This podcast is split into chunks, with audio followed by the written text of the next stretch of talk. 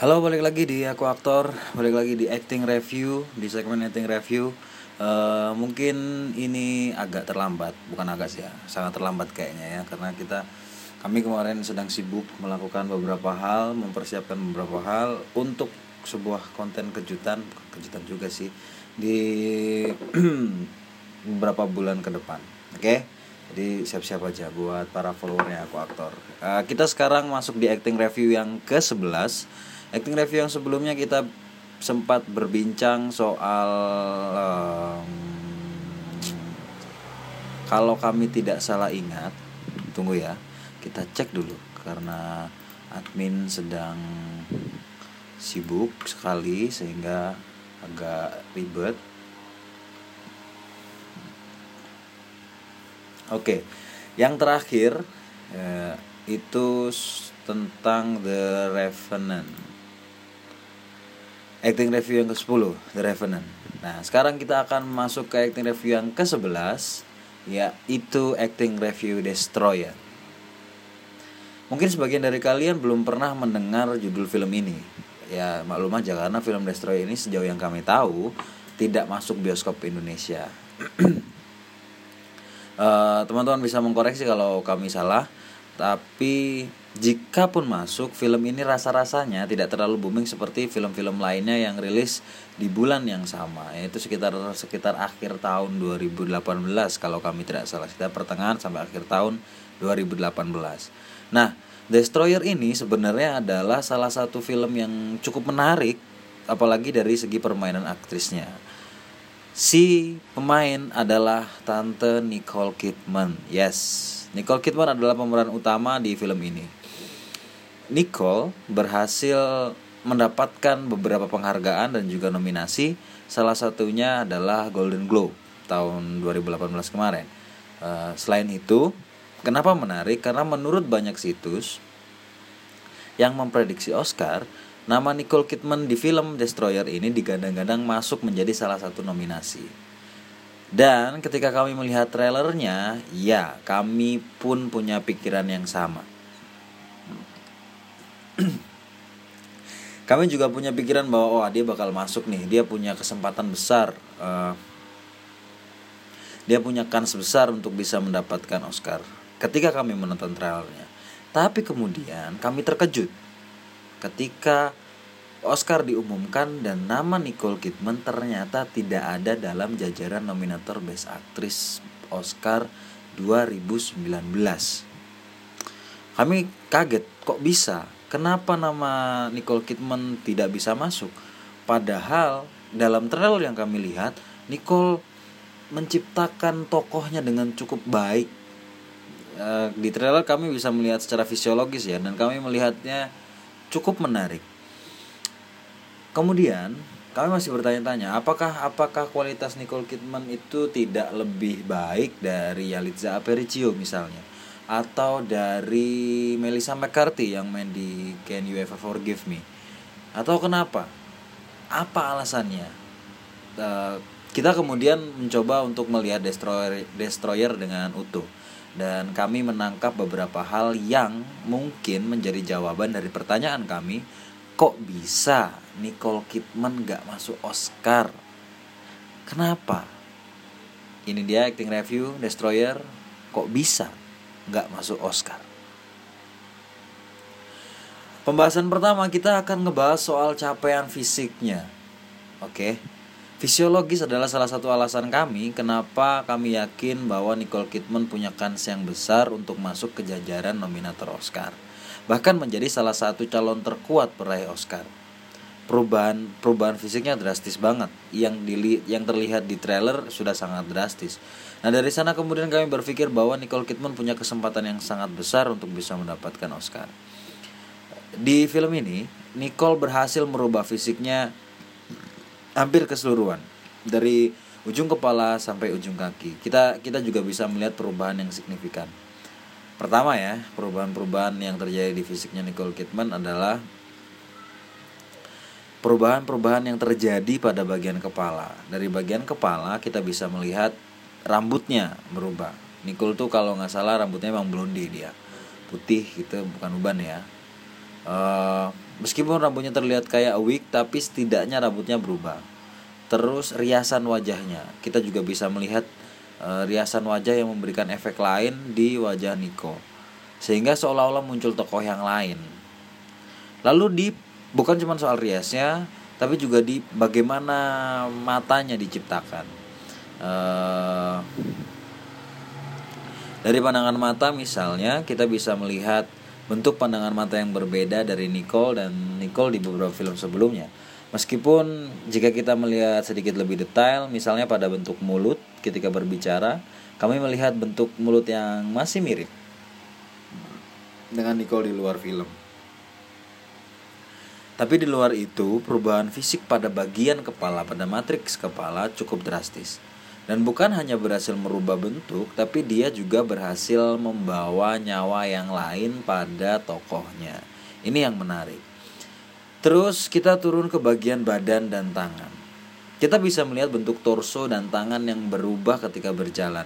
E, kita bisa melihat tangan yang agak dilebarkan serta diluruskan ketika berjalan sehingga muncul kesan tokoh yang kaku, kokoh sekaligus tegas. Kami bisa menangkap logika tersebut. Tokoh Nicole ini kan memang seorang polisi yang sepertinya sudah mengalami sesuatu yang sangat berat dan besar dalam hidupnya sehingga kemudian membuat tubuhnya punya kesan kaku, kuat dan bahkan agak superior. E, jadi bentuk yang muncul dalam penciptaan Nicole Kidman di bagian badan dan tangan adalah perubahan yang logis dan sesuai dengan tiga dimensi tokohnya dari yang kami baca. Kemudian kita turun ke bagian kaki. Kita kurang lebih melihat perubahan yang selaras dengan perubahan yang ada di bagian badan, tangan, dan kepala. Kita diberikan bentuk kaki, cara berjalan, dan laku kaki yang lain uh, yang sepertinya punya kehidupan yang sama dengan ya selaras dengan uh, tangan, badan, dan kepalanya. Bentuk kaki dan caranya berjalan cenderung kaku, lebar, cepat, dan lagi-lagi superior. Uh, kenapa kami menyebut bentuk tubuh superior ini terus menerus karena sepanjang film kami disuguhi tokoh yang memang egonya besar sekali atas orang lain. Kami melihat laku-laku tokoh yang ogah dikendalikan oleh siapa pun, yang nggak mau dikendalikan oleh siapa pun ya. Uh, tokoh ini seperti punya tujuan besar dalam peris, uh, dalam peristiwanya di film di mana orang lain siapa pun itu dia tidak boleh ikut campur. Nah, keangkuhan itulah yang terlihat dari bentuk tubuh dan gestur ciptaan Nicole. Setelah pada bentuk fisik, kini kita beralih ke warna suara. Sama seperti bentuk fisiknya, Nicole Kidman juga berhasil menciptakan warna suara yang meskipun perubahannya tidak sangat signifikan, tapi kami berhasil menangkap kesan lain yang disam yang coba disampaikan oleh Nicole Kidman pada tokohnya. Eh, teman-teman uh, bisa mendengarkan uh, suara tokohnya si aduh siapa namanya lupa saya. Pokoknya tokoh yang di Destroyer itu dia agak sedikit serak suaranya dan punya nada yang sedikit lebih rendah dari dari suara Nicole yang asli. Suara Nicole yang asli teman-teman bisa mengeceknya di artikel ada cuplikan videonya. Kemudian coba bandingkan dengan tokohnya Erin Bell namanya di Destroyer. Kita bisa melihat perubahan yang yang sebenarnya memang tidak signifikan ya perubahannya. Tapi perubahan yang tidak signifikan itu cukup memberikan kesan lain yang makin memperkuat tokohnya. Maksud kami tidak signifikan adalah tidak sangat berubah warnanya. Dia masih punya warna suara yang hampir mirip. Hanya saja seperti yang kami bilang, nada dasar suara tokoh Erin Bell ini seperti beberapa nada lebih rendah daripada suara Nicole Kidman. Katakanlah misalnya suara Nicole Kidman tuh ada di do. Eh sorry, suara Nicole Kidman ada di mi misalnya. Do re mi. Nah misalnya di, di mi misalnya ya. Nah suara Erin Bell itu ada di re jadi turun satu atau satu setengah nada turunnya. Jadi ada perubahan sedikit. Perubahan yang sedikit itu dengan chip dengan capaian fisik yang menarik itu cukup memberikan kesan yang bagus pada penonton. Jadi ciptaannya secara fisik menurut kami cukup sempurna cukup baik. Lalu Selain soal warna suara, nada bicara tokoh ini juga diciptakan dengan baik oleh Nicole Kidman ya.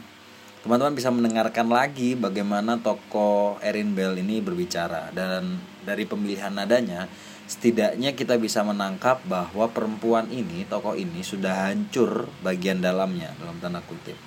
Dan nada bicaranya kira-kira ya seperti yang kamu bilang tadi satu atau dua nada lebih rendah dari Nicole Kidman yang asli sehingga kami menangkap ada semacam gejolak besar dan persoalan yang sangat berat yang sedang terjadi dalam pikiran dan perasaan si tokoh yang terwakili oleh warna suara yang diciptakan oleh si Nicole Kidman kita bisa melihat warna suaranya terkesan diseret, terkesan agak malas, uh, dan warna suara itu selaras banget dengan ciptaan fisik uh, toko Erin Bell ini. Nah, uh, di film ini ada beberapa adegan flashback yang terjadi. Um, di adegan flashback pun kita bisa melihat ciptaan toko yang menarik juga dari si Nicole Kidman, meskipun uh, gejolak tokoh di masa flashback ini tidak sebesar setelah masa flashback. Tapi kami masih bisa melihat bentuk dasar yang sama, basis yang sama. Uh, pertumbuhan pertumbuhan tokohnya juga logis. Pertumbuhan dari tidak ada gejolak sama sekali menjadi ada gejolak seolah-olah benar-benar terjadi dalam tokoh yang diciptakan oleh si Nicole Kidman.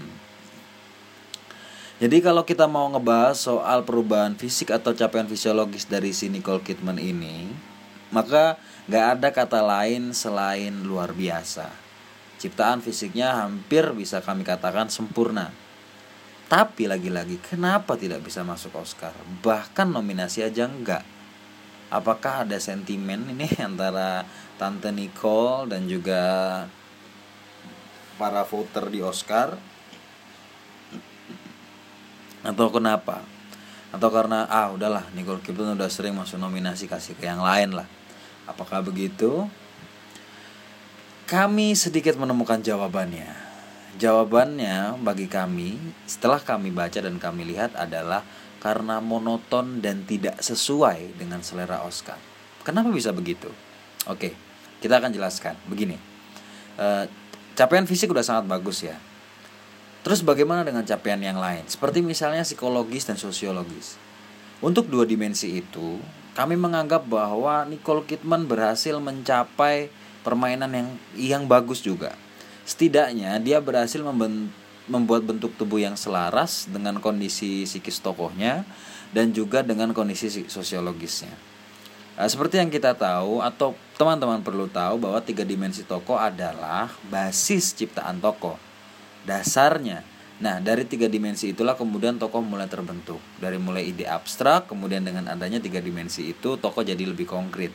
Nah, Nicole berhasil mencari tiga dimensi tokohnya dengan baik, sehingga perwujudannya jadi konkret dan baik juga.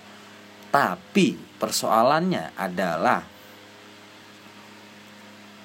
rintangan aktor itu bukan cuma soal memahami tiga dimensi tokoh aja loh. Bukan tidak berhenti sampai di situ. Karena setelah memahami tiga dimensi tokoh, rintangan selanjutnya adalah menjalankan kehidupan tokoh, memainkan kehidupan tokoh atau apa pun sebutannya, uh, dan dimainkan dengan baik tentunya ya. Nah di tahapan ini kami, uh, mohon maaf sebelumnya Mbak Nicole kalau misalnya mendengarkan podcast ini, Mbak Nicole tetap cantik buat kami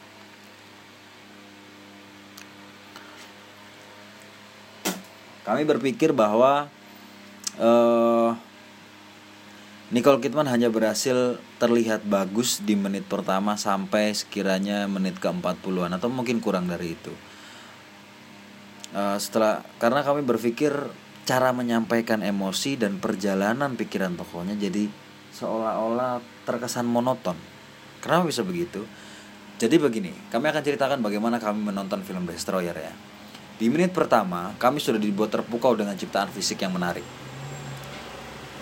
Setelah melihat ciptaan fisik, ya kira-kira mungkin kami butuh waktu sekitar 10 menitan untuk untuk memperhatikan semua ciptaan fisiknya Nicole Kidman. Kami menunggu permainan emosi, dinamika, dan kehidupan tokohnya yang dijalankan oleh si uh, Nicole Kidman. Nyatanya, sampai menit ke-49, kami tidak menemukan adegan atau permainan emosi yang nyolong banget, yang mencuri perhatian. Gak ada. yang hasilnya adalah kami bosan dengan filmnya.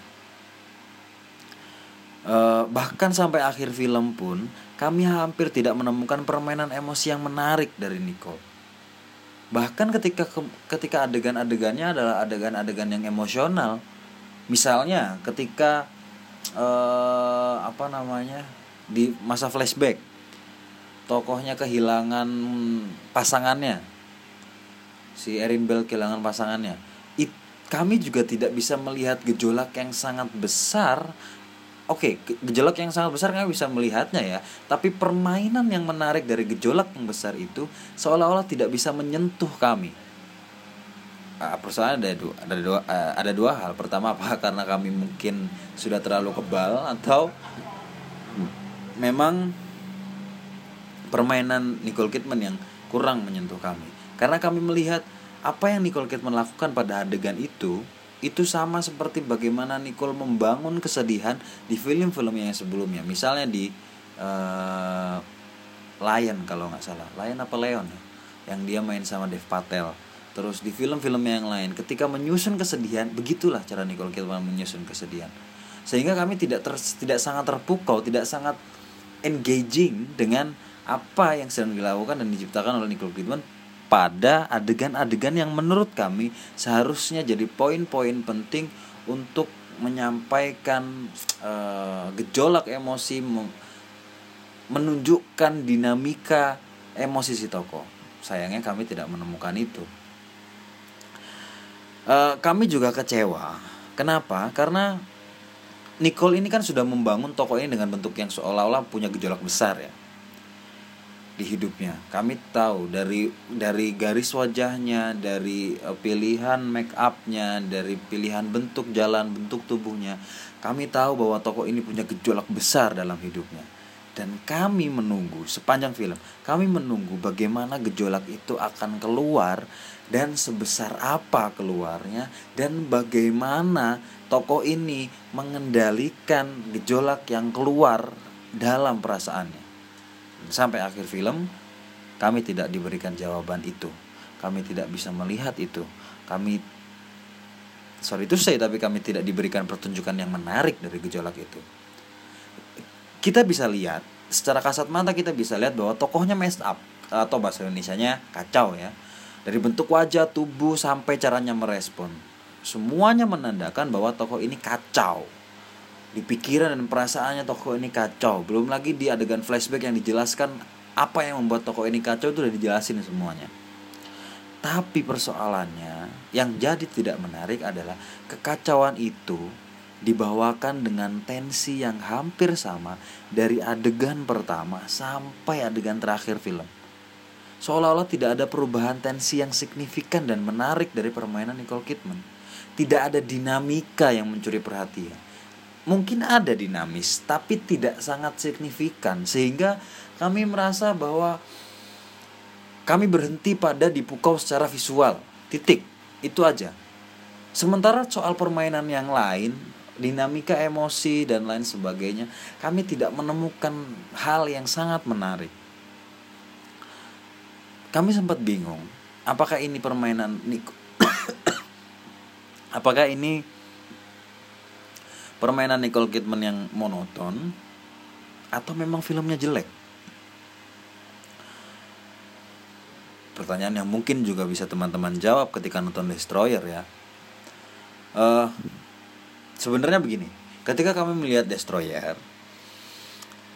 film ini itu setipe sama film-film kayak filmnya Casey Affleck di Manchester by the Sea tokohnya sama-sama kacau, sama-sama punya gejolak dan sama-sama menunjukkannya menunjukkannya dengan dinamika yang hampir nggak fluktuatif banget, hampir terkesan monoton.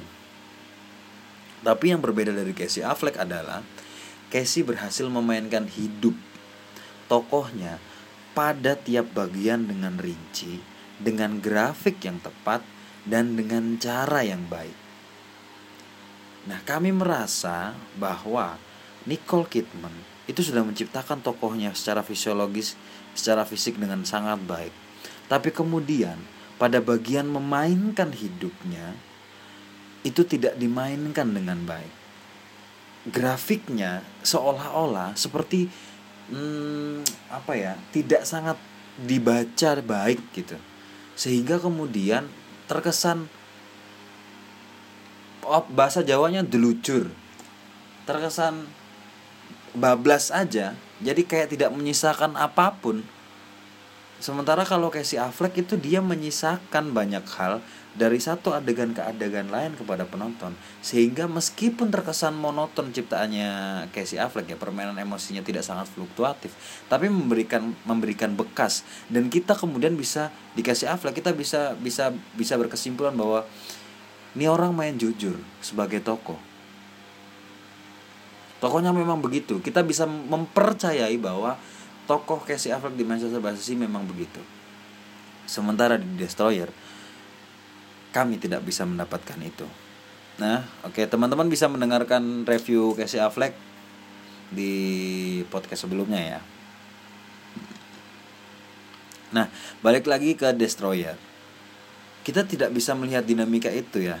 Kita bisa seolah-olah begini. Permainan Nicole itu kayak terus-terusan kacau.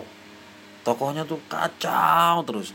Dari awal film sampai film selesai tuh kacau semuanya. Perasaannya kacau uh, dia kayak terus-terusan cemberut gitu tokohnya seperti seolah-olah dalam pikiran tokoh itu yang berjalan cuma satu pikiran dan satu perasaan aja Sementara perasaan-perasaan dan pikiran-pikiran lain entah besar atau kecil itu tidak ditunjukkan dengan baik.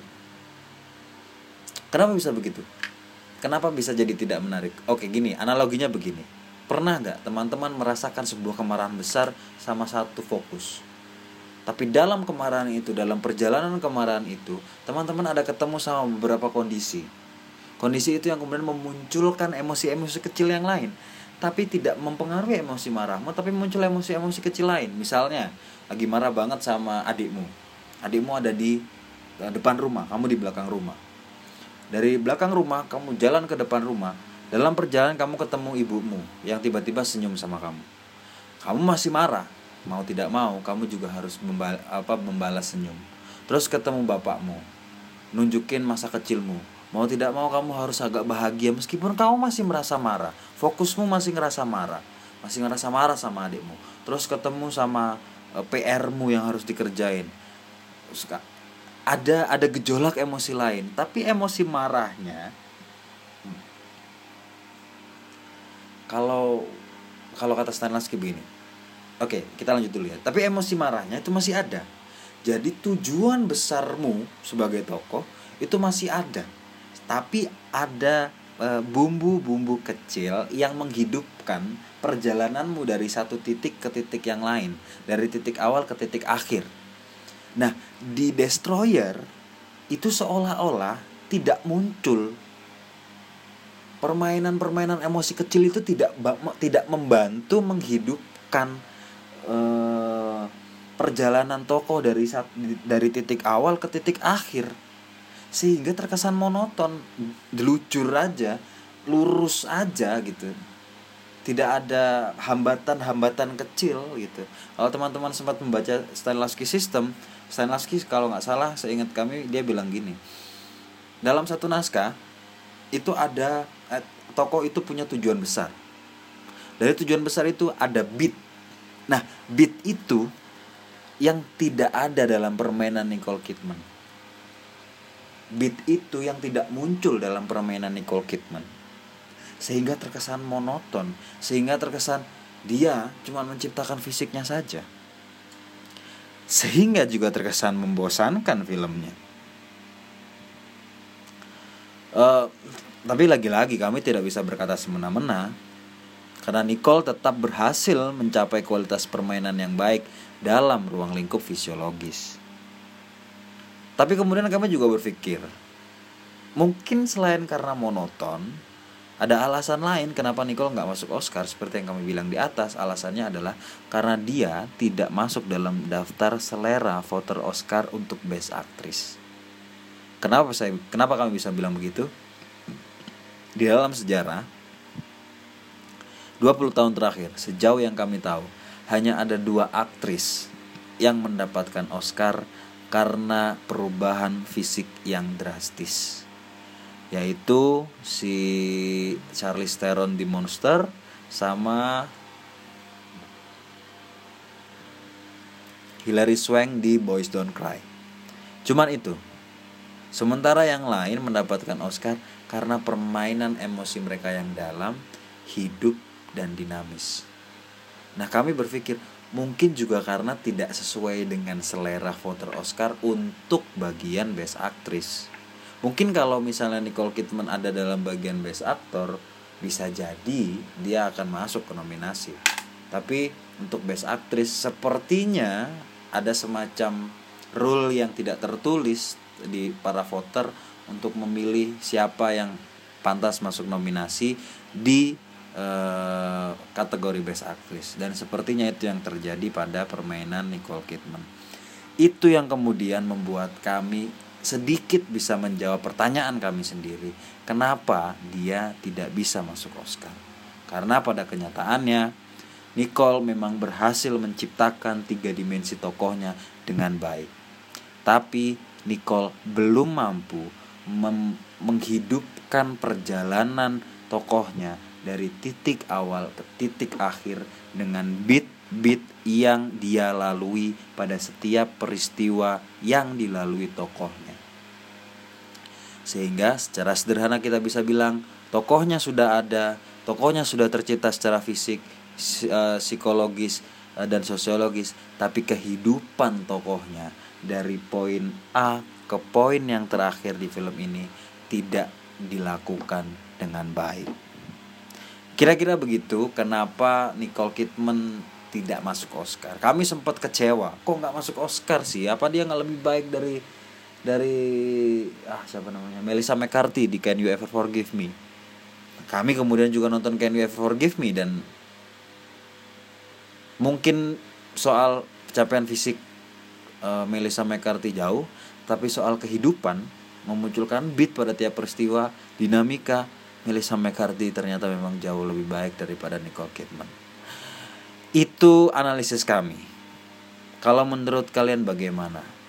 Sudah nonton atau belum? Silahkan ditonton. Kalau belum eh, kira-kira menurut kalian apa yang jadi penyebab Nicole Kidman tidak gagal masuk ke jajaran Oscar tahun lalu 2019 sorry iya 2019 awal Februari kan Oscar. Nah, kenapa? E, tulis di kolom komentar tadi Facebook atau di Instagram atau di di mana ya? Di Facebook juga ada, di YouTube juga ada. Silakan ditulis. Dan kita akan ngobrol, kita akan ya kita akan berbincang kalau teman-teman punya punya pendapat lain. Terima kasih. Terima kasih karena sudah mendengarkan podcast yang selalu panjang. Karena aku aktor tidak akan pernah peduli podcastnya panjang atau podcastnya pendek. Kami hanya akan menyampaikan apa yang menurut kami baik, menurut kami bisa dijadikan pelajaran untuk teman-teman. Mau dua jam kami akan sampaikan. Teman-teman tidak bisa mendengarkan atau tidak punya waktu mendengarkan, tidak apa-apa. Karena kami yakin suatu saat nanti apa yang kami rekam, apa yang kami bagikan ke teman-teman akan teman-teman dengarkan. Tidak harus hari ini, tidak harus besok, bisa jadi beberapa tahun kemudian. Terima kasih. Jangan lupa untuk di-share, like, subscribe untuk yang nonton di YouTube dan follow Instagram kami di @akuaktor. Uh, dan kalau misalnya ada kritik dan saran, silakan DM aja ke kami. Kecuali kalau ada yang bilang adminnya jutek. Kalian nggak pernah ketemu sama adminnya Kenapa kalian bisa bilang adminnya jutek? Come on man, don't ever judge us from social media, bro. Oke, okay? Terima kasih. Sampai jumpa di acting review berikutnya. Viva Actor.